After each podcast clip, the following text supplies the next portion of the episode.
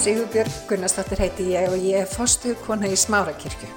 Við langar til þess að bjóða þið velkomin í hlaðvarpan okkar en hér ætlum við að tala uppbyggjandi og hvetjandi orð. Ég vona svo sannlega að þetta blessi þig og hveti þið áfram til að gera góða hluti í lífinu. Ég er þakklátt að vera með ykkur í dag. Ég er alveg ótrúlega þakklátt að við eigum hvort annað að hér í þessari kirkju. Og því líku fjársjóður í ólgu sjó lífsins. Ég hlust á mjög aðtiklisverð podcast í vikunni sem var um ymmið þetta hvað það er ótrúlega mikilvægt að, að eiga trú. Og vitið hvað var að tala? Það var ekki prestur, það var ekki ég, það var geðlagnir.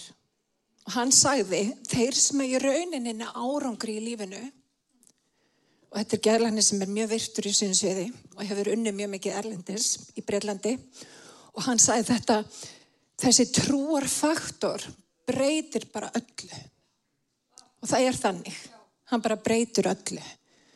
Þannig ég er þakklátt í dag og ég vona því séu það líka, hugsið ykkur, að eiga Guð að í öllum kringumstöðum lífsins. En mér langar bara svona áður en ég hérna byrja að tala að byrja ykkur um að rýsa fætur.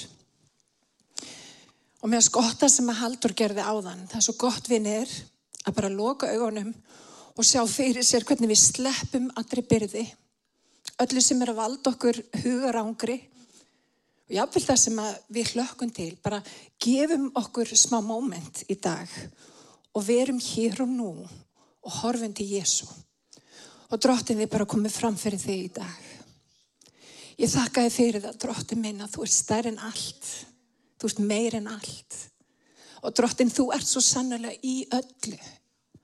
Og ég þakka þið fyrir það, drottin minn, í dag, að þá þarf ég ekki að reyna á minn eigin styrk.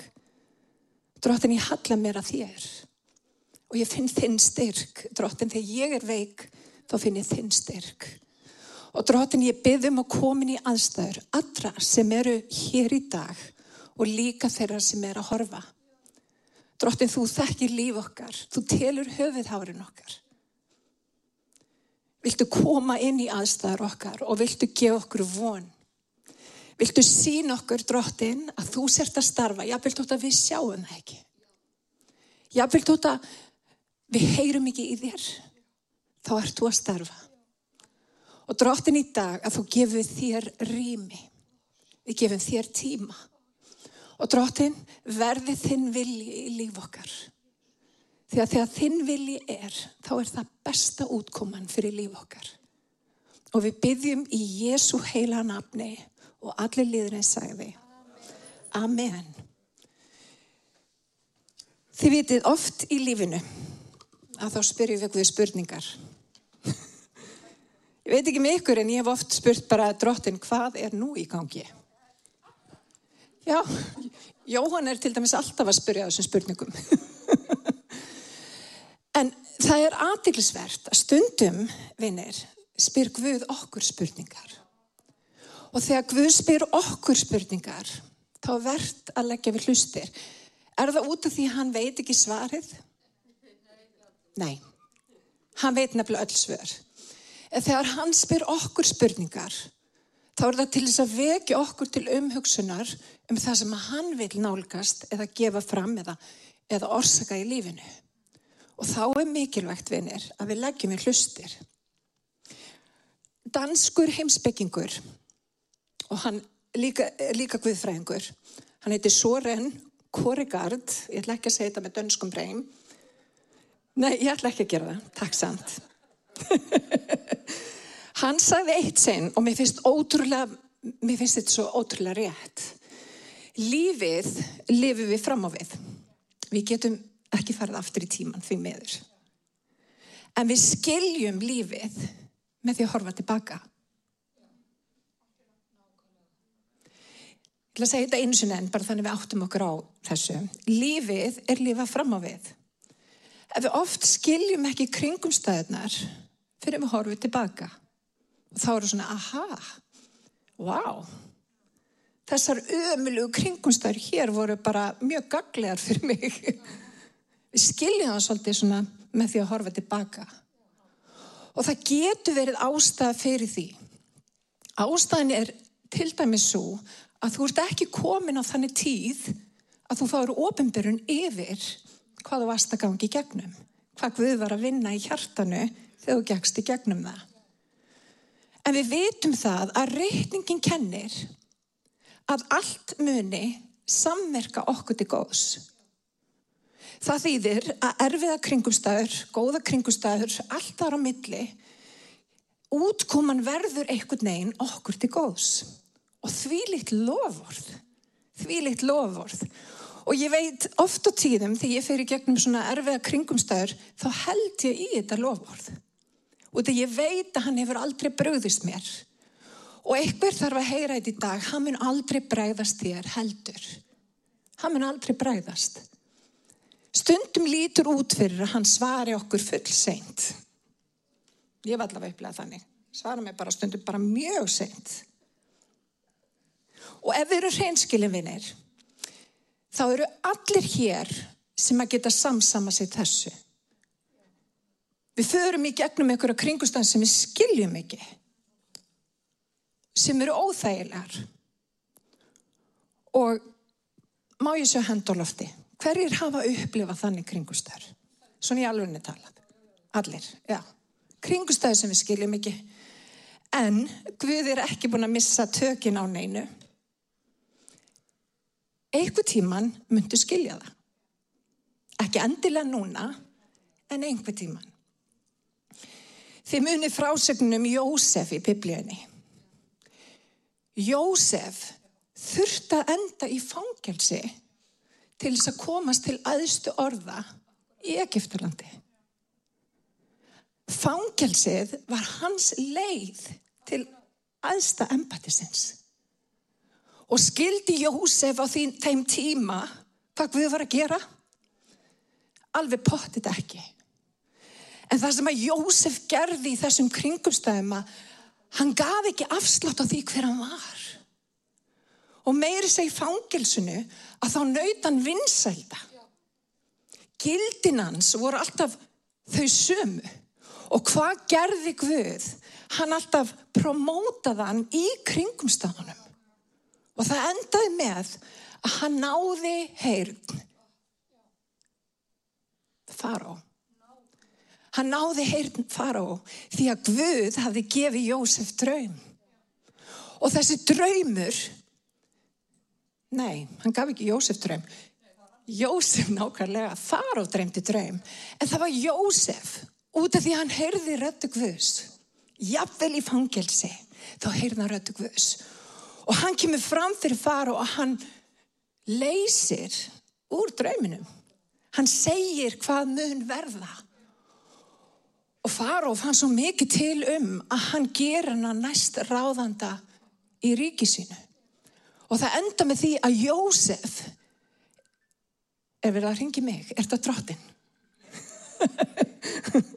það enda með því að Jósef verður alveg ótrúlega mikilvæg hlekkur í því að koma Egiptalandi og reyndar Ísæl á þeim tíma líka út úr alveg gríðalegri kreppu. Því hann kemur visku, hann kemur vístum frá Guði. Og veitir það, oft á tíðum þá notar Guð mjög sérstakar kringumstæður til þess að þetta gefa okkur visku og vístum. En hvað þú sérð, hvað þú situr, vinnir, ákvarðar nefnilega hvað þú sérð. Hvað þú sérð ákvarðar, ákvarðar hvað þú gerir og hvað þú gerir ákvarðar hvert þú ferð. Þetta hefur með kenningun að gera um sjónarhóttn.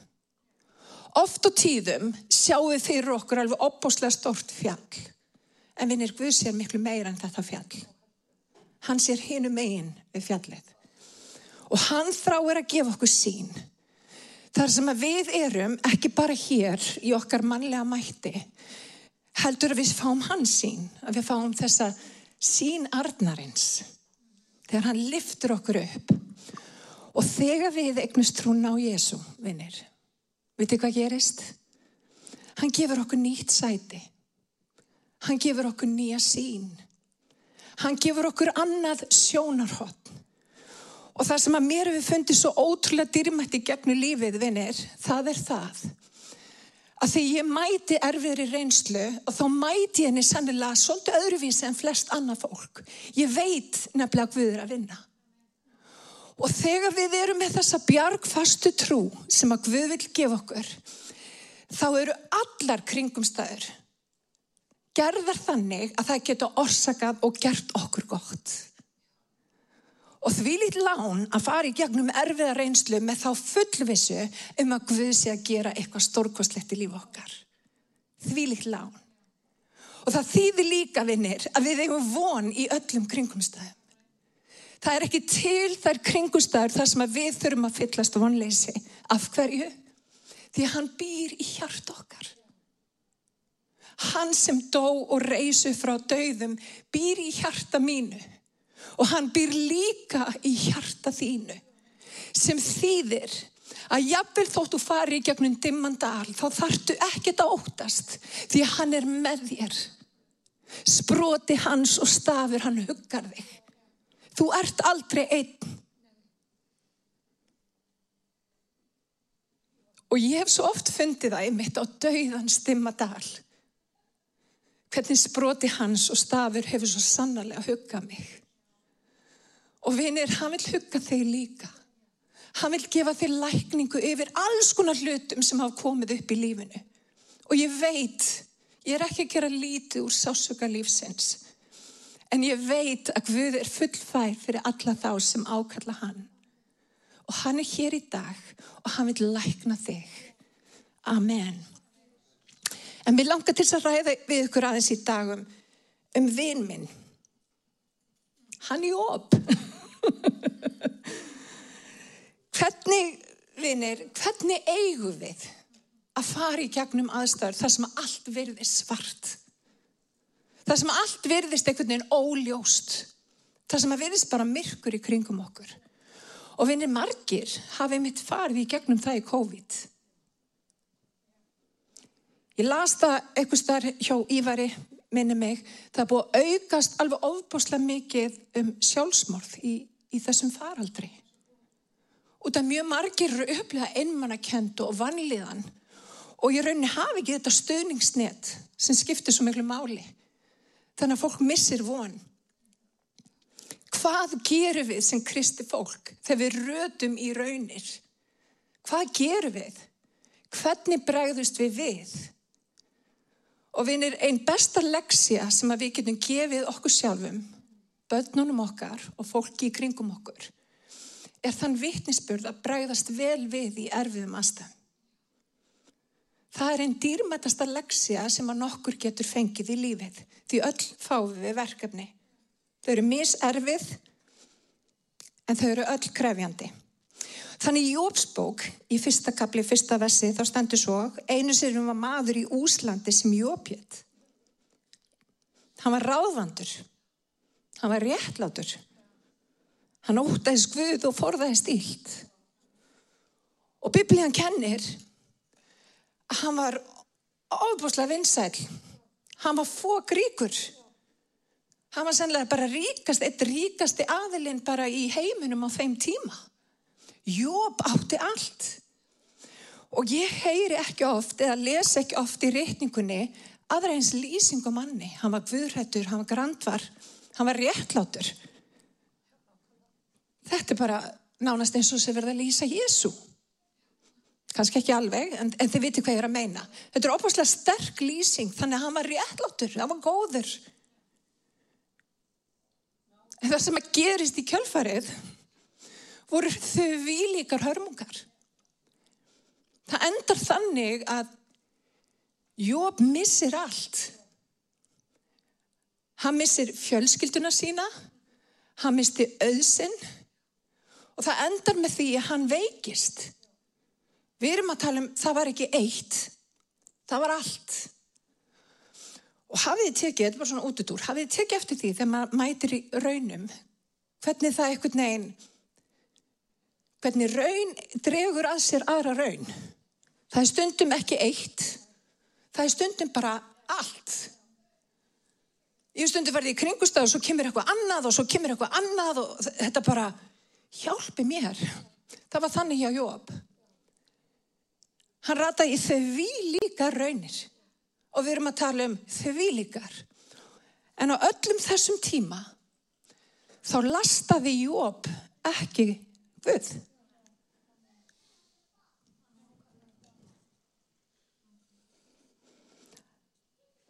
Hann var ráðvandur, hann var réttlátur, hann óttæðist Guð og hann forðaðist íld. Af hverju lendir maður sem er ráðvandur, réttlátur, alltaf sem er talaðarinn upp, af hverju lendir hann í svona kringumstæðum? Af hverju gerist það vinnir að við lendum í raunum? Af hverju? Biblíana nefnilega talar um það að það rignir yfir réttlátt og rángláta. Allar kringumstæður eru gerðar fyrir okkur til þess að vaksa og þróskast. Og staðrindin er súvinir að við vöksum oft mest í myrkri, í erfiðri reynslu. Þær reynslur breyta okkur. Það ger okkur miklu dýbri karaktera heldur við vorum. Og ég get alveg sagt okkur það á síðustu 15 árum. Ég er önnur manneskja. Og ég er rosalega heppin, ég á hérna opaslega góða mann, hann er alveg opaslega rólegur í tíðinni, ég er það ekki. Við erum mjög mikla rannstöður. En vinnir, bæði ég og Alli, þú veist, ég er svona dramatísk og hann ekki. Við höfum bæði ratað í ímiskunar raunir. En það sem ég hef líka fundið er að Guð hefur verið með allan tíman. Og ef við leifum honu það, vinnir, að þá getur hann búið til gull í okkur sem er svo vermætt, sem kemur ekki með nokkrum öðrum hætti inn í líf okkar. Þannig að við erum ekki reyð eða sár eða fulla vonbröðum. Treystum því að allt munir samverkandi góðs. Vinnir, út af Guð er ekki búin að missa tökinn á neinu. Og það er oft þannig að þegar við missum tökinn, þegar ég missi tökinn, þá er það mjög jákvægt mál því að þá fær Guð stjórnina. Og það er miklu betra vinnir þegar Guð hefur stjórnina en ég. Þannig að þegar við lesum Jófsbók, og nú getið þið spurt býtu, það er í gamla testamentinu, já, er, það er talað um þessa bækur þarna millir Mósibóka og, og hérna Sálmana. Þetta er visku og vísdómsbækur. Það er hægt að fá svo mikla visku og vísdóm með því að lesa um reynslu þessa fólks. En að sjálfsöðvinir búi við í öðrum sáttmála. Kraftu Guðs er innra með þér. Heilaður andi er innra með þér. Þannig í rauninni er auðveldara fyrir okkur að rata í ímiskunar raunir heldur en að var fyrir Jóp á þeim tíma. En Jóp fór svo sannarlega í tímabil svartnæstis og óvissu. Gerum við þegar við förum í þannig tímabill? Oft reynum við að bjarga Guði. Hafið þið reynd að bjarga Guði? Ég hef reynd að gera það. Ég hef svona, ok, drottin, þetta er ekki að virka. Þetta er algjör klúður. Þannig ég skal stígin. Ég tek stjórnina. Það er bara betra þegar ég tek stjórnina. Og svo endur það með einhverju, þú veist, einhverju vesinni. Það lengist leiðina fyrir heitunu. Rétt eins og gerðist með Abraham og Söru á sínum tíma. Muni eftir þeim mun eftir þeirri sögu. Þau voru bara orðin svolítið fullorðin og Guð hafði lofað þeim fyrirheiti. Batni sem átt að fæðast. Og þau bara, nei, Guð, þú ert greinlega ekki með þetta, við ætlum að retta þér. Þannig að, ákkurat, enda í tómri vittlusi. ekki gott mál. Og hvað gerist? Abraham þau ákveða saman. Abrahamin sofa bara hjá ambottinni og þau eignast hérna svona, þetta er svona fyrsta staðgöngumóður þess tíma. og, og, og hvernig endaði það? Við vitum það að, að þau stígu inn í fyrirhitti, þau egnuði síðan batna á endunum, en leiðin flæktist. Hún var erfiðari fyrir vikið. Og oft ef við erum að reyna að bjarga Guði, þá verður leiðin oft erfiðari. Í staðin fyrir að auðmíkja okkur undir hans voldu hönd og treysta því að hann viti hvað hann er að gera. Þannig að förum ekki að ráði Abrahams og Söru.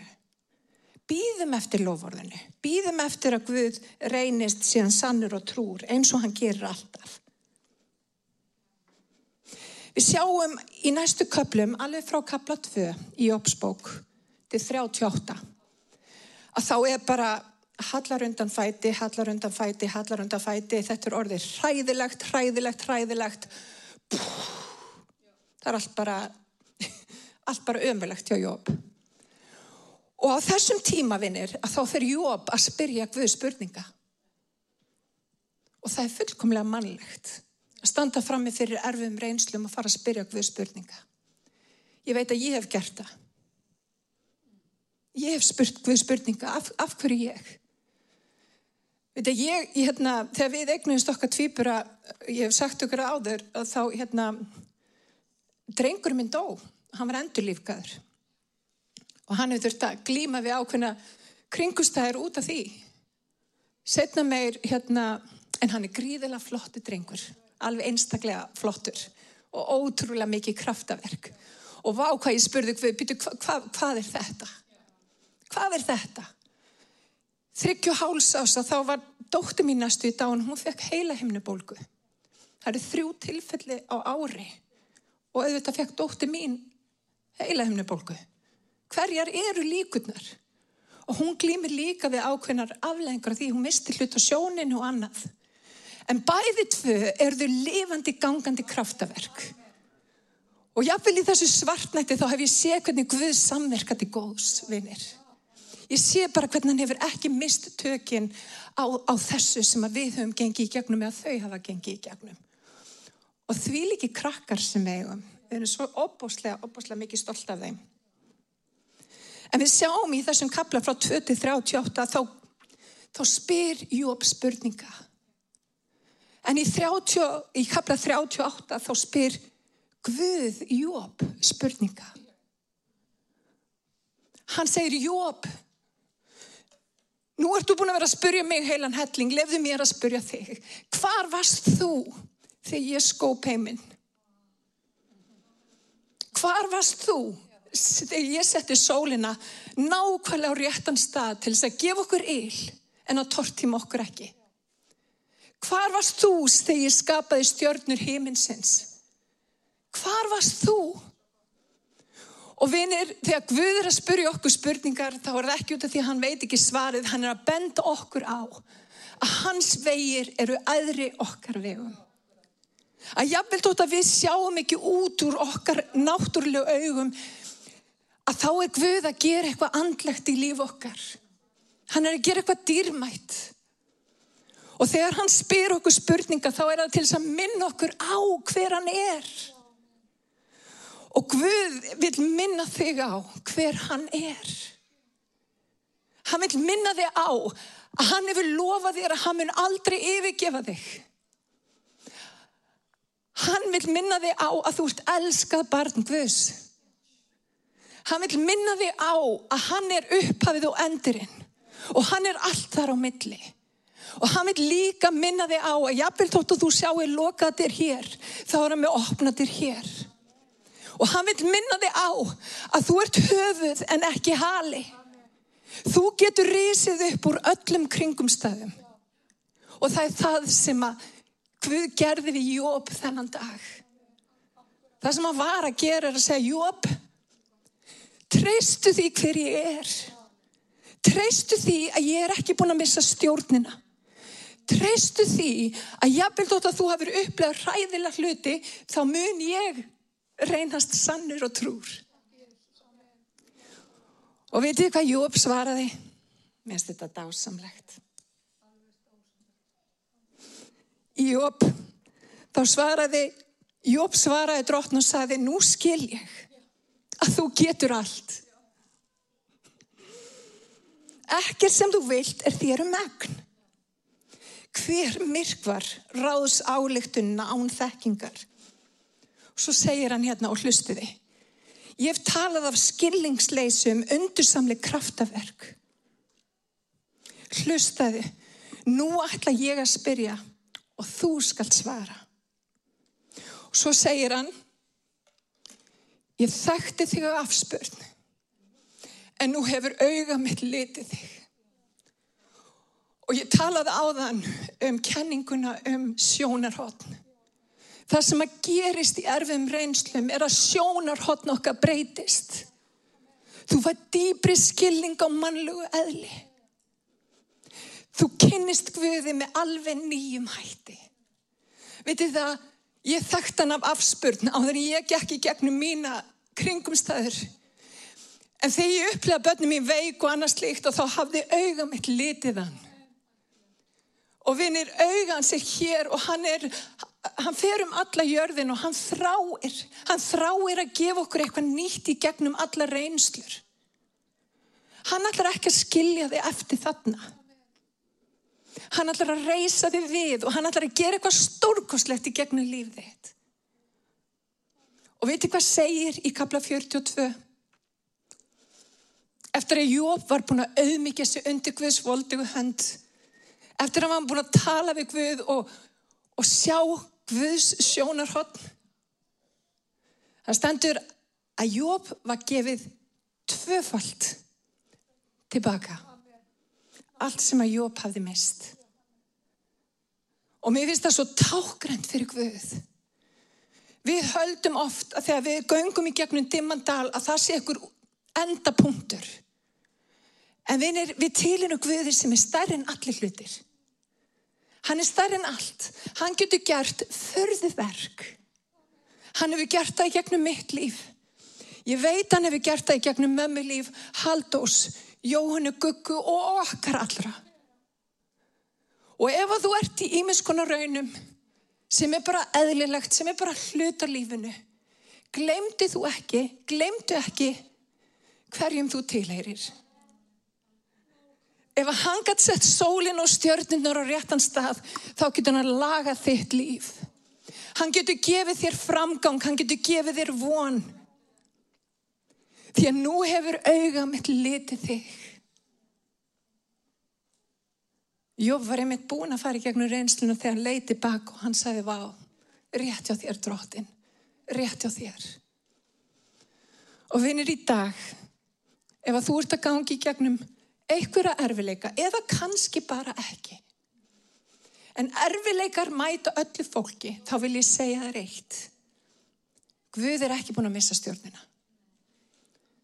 Þú ert enþá elskað barn Guðs. Hann mun fullkomna það verk sem hann hefur hafið í þér. Þú ert höfuð, þú ert ekki hali. Þér er ætlað að rýsa upp úr öllum kringum stæðum. Og þér er ætlað að gera meir en það. Þeir eru ætla að hafa samkend, týpri karakter, geta sett í, í spór annara, hjálpa fólki upp sem er að drukna. Vá, wow. Er þetta ekki text í lægi? Þið viti hvað ég er að meina. Hjálpa fólki upp sem er að drukna. Vitið það, samkend kemur ekki öðruvísi en með reynslu. Samkend kemur bara með erfir í reynslu.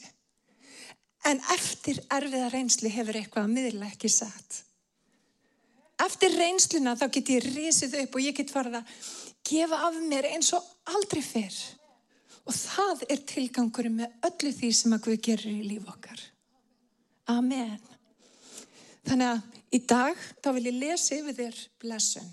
Við hefum nú aldeilis, aldeilis, aldeilis sungið þetta lag. Með hans velvild vera með þér hverju kynnslóð fram að kynnslóð þínum börnum, þeirra börnum og barnabörnum snemma morgni senkt að kveldi. Er þú kemur þegar þú ferð.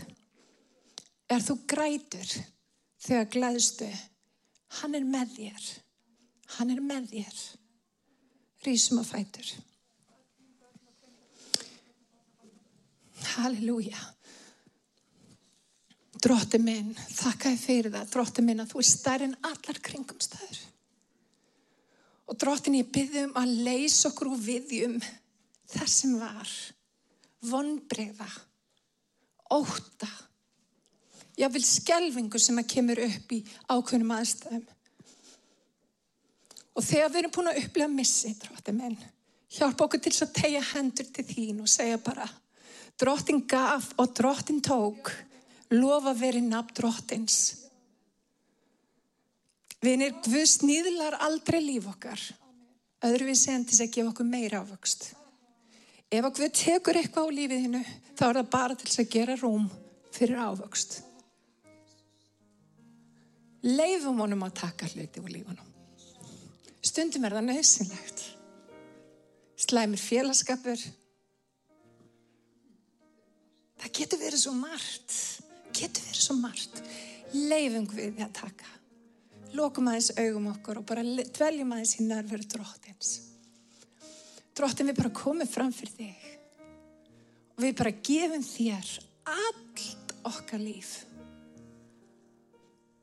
Særind okkar, vombrið okkar, sásök okkar. Dróttin, ég, ég þekkti þig á afspörn. En nú hefur auga mitt litið þig. Afstafa mín hefur breyst, sæti mitt hefur breyst. Á Jésús. Og ég byrði dróttunum um upprissu kraftin í líf hvers og eins er í dag. Við ætlum ekki að festast í vombriði eða reyði. Við ætlum að rýsa upp því að gleði þín er styrkur okkar. Gleði þín er styrkur okkar. Og við ætlum ekki að festast í volaði, við ætlum að, dróttin við lokaða dyr þá ætlum við að finna opnu dyrnar. Það eru ný tækifæri, dróttinu, og viltu gefa okkur þessi andlegu augu sem horfir ekki bara á fjallið, heldur horfir handan fjallsins. Að við horfum ekki bara á hotnið, heldur við sjáum handan hortsins. Við sjáum ekki bara döðan á krossinum, við sjáum upprisuna. Og í dag, drótti minn, þá veit ég að þú ert að gefa fólki upprisu kraft. Og ég bara kem í gegn öllu því sem vil tala dauða inn í líf fólks. Og ég tala líf og líf í fullri gnæð. Halleluja. Hér gamla var það einhver nýttir orði til. Og drottin þegar við förum hérna út þá ætlum við að vera fulla djörfung, við ætlum að vera fulla gleði. Af hverju? Því að þú er stór og þú ert mikill. Og í dag, drottin meina, þá ætlum við að smita þessari gleði út frá okkur. Við ætlum að tala líf en ekki dauða. Við ætlum að tala líf en ekki dauða. Og verði lífið. Í Jésu heila nafni, í Jésu heila nafni. Amen. Mér langar til þess að byggja stutt að bæn. Það er bæn frelsisens. Ég er að tala kannski um hluti sem að sumir skil ekki. Ég er að tala frá okkurni sjónarhóttni. Við trú á Jésu. Ef að þú skilur ekki og þú vilt tengja þig við þig, þá tala biblían. Það er svo einfalt. Eina sem þú þurft að gera er að trúa og játa. Ekkert annað. Trúa og játa. Og við ætlum að byggja þessa bæn sem ég ætla að fara með og ég byrð ykkur um að endur taka bænin eftir mér á þessu. Það er trú og játning. Og bænin er svona, kæri Jésús, ég byrð um að komin í hjarta mitt í dag. Ég byrð um að fyrirgeða mig sér hverja send. Ég byrð um að fylla mig af anda þínu. Ég byrð um að ganga með mig hvern einasta dag. Viltu gefa mig von og gleði og djörfung. Drottin Jésús, ég þakka þér að ég er nú þitt barn í Jésu heila nafni. Amen og amen. Drottin blessi guðinir og ég vona að þið geti farið út í dag og verið upplitt stjörf og glöð að guðið með ykkur. Við getum því miður ekki byggðið fyrir sjúkum eða, eða slíku en því í sendin bænarefni og við höldum áfram að byggja en annars bara drottin bless ykkur og varfið ykkur og gef ykkur náð. Amen. Ég hveti til að stilla inn á okkur með reglum hætti því að hér verður alltaf eitthvað nýtt á nálinni. Takk fyrir að hlusta.